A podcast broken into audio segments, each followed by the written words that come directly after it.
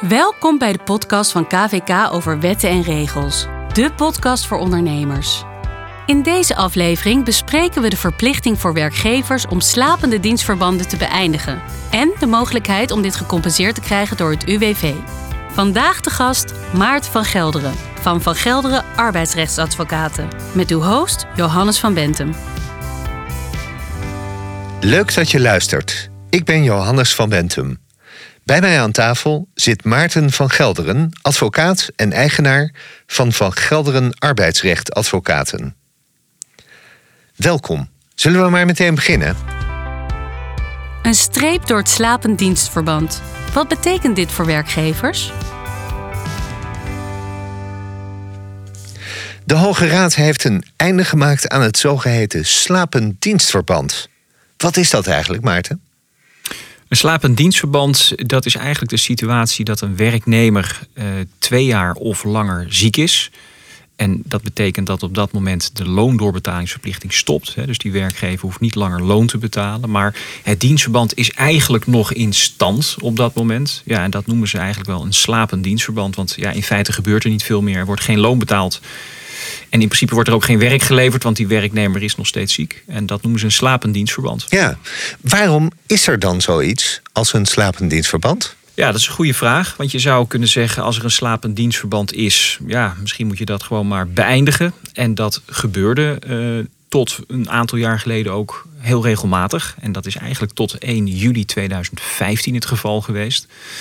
Want tot dat moment kon je als werkgever zo'n dienstverband beëindigen zonder dat je daar vergoeding voor moest betalen. Ja. Maar op 1 juli 2015 is de wet werk en zekerheid in werking getreden. En ook de regels rondom de transitievergoeding.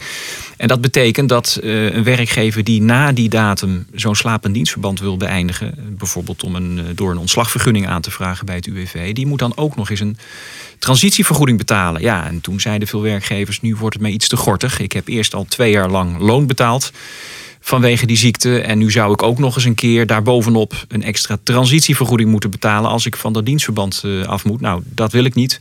Dus weet je wat, ik laat dat dienstverband gewoon slapend voortbestaan. En zo zijn er in de afgelopen jaren eigenlijk ja, tienduizenden slapende dienstverbanden ontstaan. Zoveel? Ja, het gaat om hele uh, forse aantallen. Ja. Um, ja, en, en dat is dus eigenlijk een fenomeen waarvan uh, toenmalig minister Ascher al gezegd heeft: ja, daar wil ik eigenlijk vanaf. Dat is eigenlijk niet de bedoeling uh, als die partijen zo aan elkaar verbonden blijven. En um, ja, uiteindelijk heeft, uh, heeft de Hoge Raad, en dat is eigenlijk kort geleden aangegeven, ja, als de werknemer aangeeft dat hij van zo'n slapend dienstverband af wil, dan moet je daar als werkgever aan meewerken. Dat is eigenlijk de belangrijkste regel die de Hoge Raad uh, heeft uitgesproken. Ja. Betekent dat dat ondernemers ook zelf actief een stap moeten zetten? Nee, dat hoeft dus niet van de Hoge Raad. De Hoge Raad heeft dus gezegd: als de werknemer erom vraagt, uh, werkgever, dan moet jij meewerken. Dus je hoeft dat niet proactief uh, op te zoeken. Ja, je mag dus nog steeds als werkgever zeggen: Nou, ik laat het gewoon maar even doorlopen. De vraag is ook natuurlijk of dat wel slim is om te doen. Um, en, en, en ja, het antwoord is eigenlijk eh, nee, dat is in veel gevallen niet slim om te doen. Uh, en dat heeft ermee te maken dat er een compensatieregeling is bij het UWV. Die is ook wettelijk geregeld. Waarmee werkgevers die zo'n slapend dienstverband beëindigen en die zo'n vergoeding betalen, die worden eigenlijk gecompenseerd door het UWV. Dat gaat 1 april volgend jaar, 1 april 2020 in werking treden. En nou ja, daar komen we misschien zo nog over te spreken. In een aantal gevallen kan het slim zijn om uh, zo'n slapen niet zowel maar voor 1 januari af te rekenen. En niet als werkgever te wachten totdat de werknemer min of meer zijn vinger opsteekt. Ja, en wat is het voordeel als je eerder bent? Het voordeel is dat als je dit voor 1 januari regelt, dat er in ieder geval helderheid is over wat je met de werknemer moet afrekenen en wat je van het UWV gecompenseerd krijgt. De Hoge Raad heeft gezegd, uh, je moet uh, aan die werknemer een transitievergoeding betalen, berekend naar het moment dat die twee jaar verstreken zijn. Dus dat is een moment in het verleden. Ja. Uh, dus laten we zeggen dat, dat op 1 januari 2018 die twee jaar verstreken waren. Dan heeft de Hoge Raad eigenlijk gezegd, werkgever, je moet de transitievergoeding betalen die gold op 1 januari 2018. En het UWV zegt dan, in die compensatieregeling, daar zijn nog wel trouwens een paar randvoorwaarden. Daar gaan we het misschien zo nog over hebben. Maar in principe krijgt u, beste werkgever, dan ook vergoed wat u dan betaalt. Op 1 januari 2020 wordt de, worden de rekenregels voor de transitievergoeding versoberd. Die gaan naar beneden, met name voor oudere werknemers met langere dienstverbanden. En de situatie zou kunnen ontstaan dat als je na 1 januari met die werknemer in gesprek gaat, dat die werknemer zegt: Nou ja, eh, prima dat je met mij afrekent, maar graag op basis van de oude regels, dus de hogere transitievergoeding. Terwijl het UWV zou kunnen zeggen: ja, maar het is nu 2020, beste werkgever. Wij vergoeden u alleen de compensatie op basis van de nieuwe regels.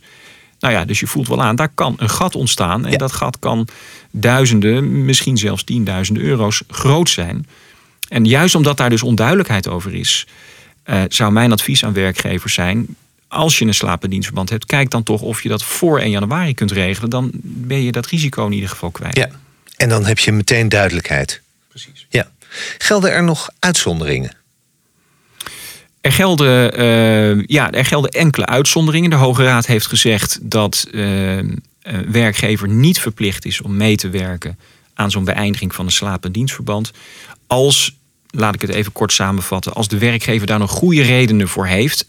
Maar eigenlijk kun je zeggen, er is eigenlijk maar één goede reden, namelijk dat er nog reïntegratiemogelijkheden zijn. Dus als die werkgever zegt, ja, maar kijk, ik denk dat die werknemer binnen afzienbare termijn toch nog wel aan het werk kan ja, dan heb je een, een, geldige reden om te zeggen: ik ga niet meewerken aan zo'n ontslagssituatie. Maar in bijna alle andere situaties ja, zul je daar gewoon aan mee moeten werken als werkgever. Ja. Als je een advies moet geven aan werknemers of uh, werkgevers, wat moeten zij nu dan doen? Ik denk dat het heel belangrijk is om even goed je zaak te inventariseren en bijvoorbeeld goed na te gaan. Uh, wat zou de impact zijn voor de hoogte van de transitievergoeding die ik deze werknemer betaal voor 1 januari en na 1 januari. En als dat verschil groot is, uh, ja, nogmaals, dan moet je misschien ieder risico vermijden. En dan zou je gewoon de werknemer daarmee in gesprek moeten gaan. En als die werknemer ook aangeeft, ja, eigenlijk wil ik hier ook wel vanaf. Ja, dan denk ik dat het verstandig is om dat voor 1 januari te regelen. Ehm, dus dat is denk ik een hele belangrijke. En een andere belangrijke tip is natuurlijk dat je even goed moet nagaan uh, welke voorwaarden er verbonden zijn aan die compensatieregelingen. Dus nogmaals, je krijgt in principe die transitievergoeding gecompenseerd van het UWV. Vanaf 1 april 2020 kun je daar een aanvraag voor indienen. Maar er gelden wel een aantal randvoorwaarden. En uh, die moet je even goed in ogenschouw nemen. Uh, ik kan misschien de belangrijkste uh, even noemen. Je moet uh, zorgen dat je de juiste transitievergoeding berekend hebt. Je moet bewaren de, de, de loonafschriften van hoeveel loon heb je die werknemer betaald in die tweejaarsperiode. Um, en je moet natuurlijk een goede een goed document hebben waarmee dat ontslag geregeld wordt. Dat gaat vaak aan de hand van een beëindigingsovereenkomst. Dus er zijn wel een aantal zaken die je even goed op een rij moet zetten. Maar het is zeker een onderwerp waarvan ik zou zeggen: uh, ga daar voor 1 januari mee aan de slag. Helder. Maarten, dank voor al deze informatie en tips. Hiermee kunnen ondernemers goed voorbereid het gesprek aangaan met hun adviseur. KVK blijft ondernemers de weg wijzen in nieuwe regelgeving. Alle informatie uit deze podcast en andere podcasts zijn terug te vinden op kvk.nl/slash wetten en regels.